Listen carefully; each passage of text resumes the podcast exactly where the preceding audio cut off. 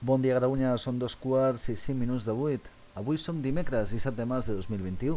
Tal dia com avui va morir el 1684 el tsar rus Ivan el Terrible. El pronòstic del temps per aquest matí és de cels clars excepte algunes parts del Pirineu Oriental i la plana de Lleida, on podrem trobar un xic de boira que al llarg del matí anirà desapareixent. Les temperatures per aquest matí oscil·len els dels freds 0 graus del terç nord del país i els 9-10 graus al sud-est del territori, deixant les màximes típiques d'un dia de primavera. Sigueu, doncs, benvingudes i benvinguts en aquest espai d'informació setmanal que es grava en rigorós diferit des dels estudis centrals de Tilburg als Països Baixos. A la producció, postproducció i altres afers variats, Jordi Sanausia, que és també qui us parla. Comencem, ara sí, amb la informació de la setmana amb totes les dades. Comencem amb el bloc dedicat a la política catalana. Talment com l'Eurocàmera avisava dimecres és provistos d'immunitat diplomàtica als consellers Comín i Ponsatí i a l'expresident Puigdemont, l'estat espanyol donava un cop de punt sobre la taula, un altre cop declinant el tercer grau dels presos polítics. Estava cantat que les dues coses passarien i està cantat també i ja ha pronunciat per la seva portaveu al Congrés dels Diputats espanyol que el PSOE votarà en contra de qualsevol intent per donar amnistia als empresonats pel procés, al temps que els partits independentistes catalans avisen als socialistes de que aquesta és l'única solució global i sorprenentment hi ha gent que va contracorrent, com la Meritxell Serret, que tornava a Catalunya a l'exili divendres passat, al mateix temps que la cambra catalana inaugurava la seva primera sessió a l'Auditori del Parlament. És difícil qualificar, és difícil qualificar aquests fets, perdoneu, que s'enfronten entre el cansament dels exiliats pel procés i els que estan a dins de la presó, de la pressió també que fa l'estat espanyol a Europa i que ens porta a pensar que la solució al problema està ben lluny per ara. La votació al Parlament Europeu ens va demostrar, però, que Catalunya no és pas una excepció a Espanya, sinó la norma a Europa, amb una dreta en alça i amb els socialistes europeus situant-se cada cop més a la vora del conservadorisme, buscant el vot que marxa cap a formacions més populistes. Per una altra part, encara no tenim govern constituït, que serà, si res no canvia, presentat divendres al Parlament de Catalunya. El que sí que tenim és presidenta del Parlament, la candidata pels Junts, Laura Borràs, Cal mencionar que la nova presidenta, al fer el seu discurs inaugural, va oblidar internacionalment el seu immediat antecessor al càrrec, Roger Torrent, mentre que sí que va, sí que va jugar la feina comesa pel Carme Forcadell. La CUP, segons informacions recollides a TV3 i La Vanguardia, sí que podria acabar participant en el proper govern de la Generalitat, encara que la seva extensió seria més que suficient per a que el Parlament pugui votar el divendres la formació del nou govern. Salvador Illa, per la seva part, garantitzava el compromís de Sánchez amb el diàleg. Quin diàleg, ens preguntem tot plegat.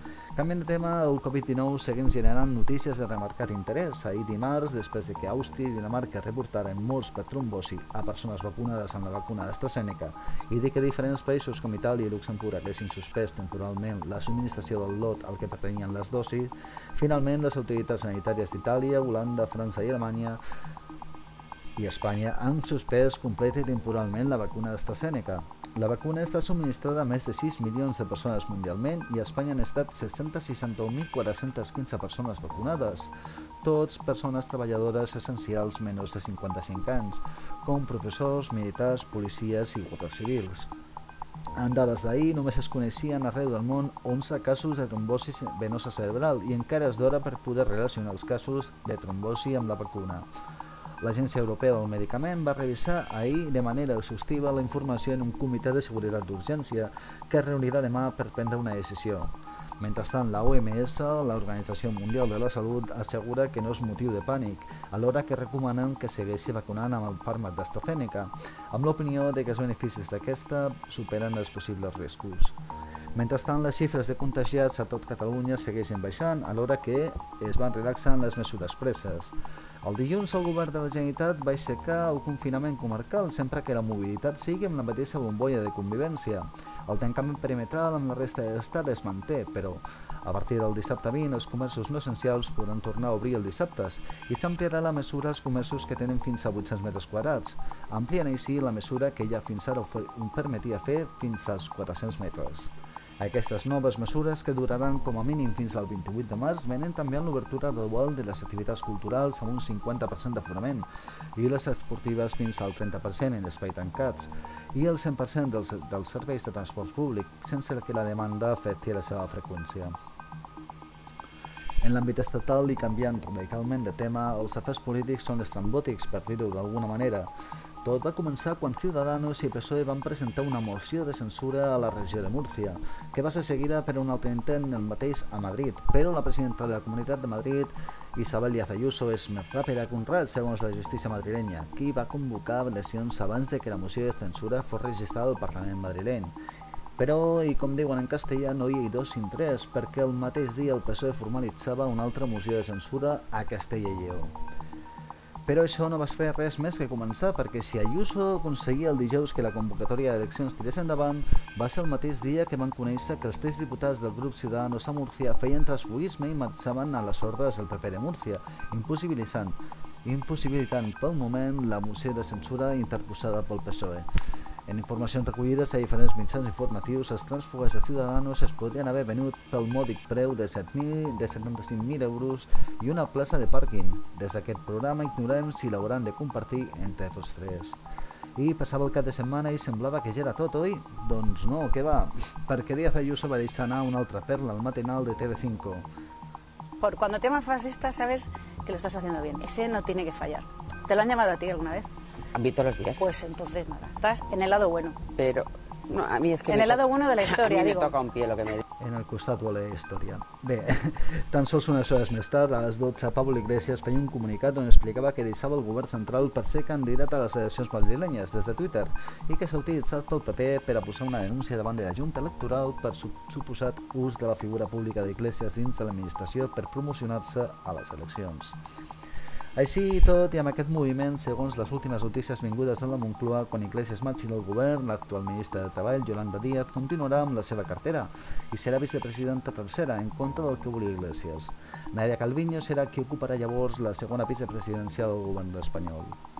I tot i que Pablo Iglesias volia en principi una comunió amb el grup de Mas Madrid, des de la formació que lidera l'antic líder de Podemos s'han posicionat en contra d'aquesta idea i es presentaran tots dos per separat. Seguim ara amb els esports. Malauradament, el Barça no va poder remuntar el País en Germain dimecres passat, empatant per la mínima i deixant el resultat global en un 5-2 a favor del París. Així, el Futbol Club Barcelona, que enceta una nova etapa en la porta com a president, es despedeix de la Lliga de Campions per aquesta temporada. Tot i que suposem que el que més li urgia a la porta era aconseguir l'aval que necessitava per formalitzar el seu càrrec, un 15% del pressupost del club que es tradueixen a 124,6 milions d'euros, tal com marquen els estatuts del club blaugrana. La Porta va poder arribar a un acord amb l'empresa Audax, que es dedica a les energies renovables, gairebé en extremis ja tocada a les 12 de nit d'ahir dimarts. Audax posarà 32 milions, la Porta amb el seu patrimoni aportarà uns altres 50 milions d'euros i la resta que necessita haver d'altres quatre socis que, al igual que l'empresa, amb la figura de José Lías com a representant de la firma, s'incorporaran a la junta del club. La Lliga validarà l'acord avui abans de les 18 hores en principis, en principi, perdó. Doncs és aquesta hora quan la nova junta hauria de prendre possessió, encara que la hora exacta està per confirmar.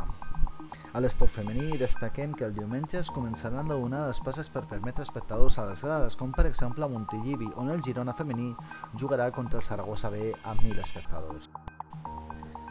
Acabem amb la previsió meteorològica per als pròxims dies.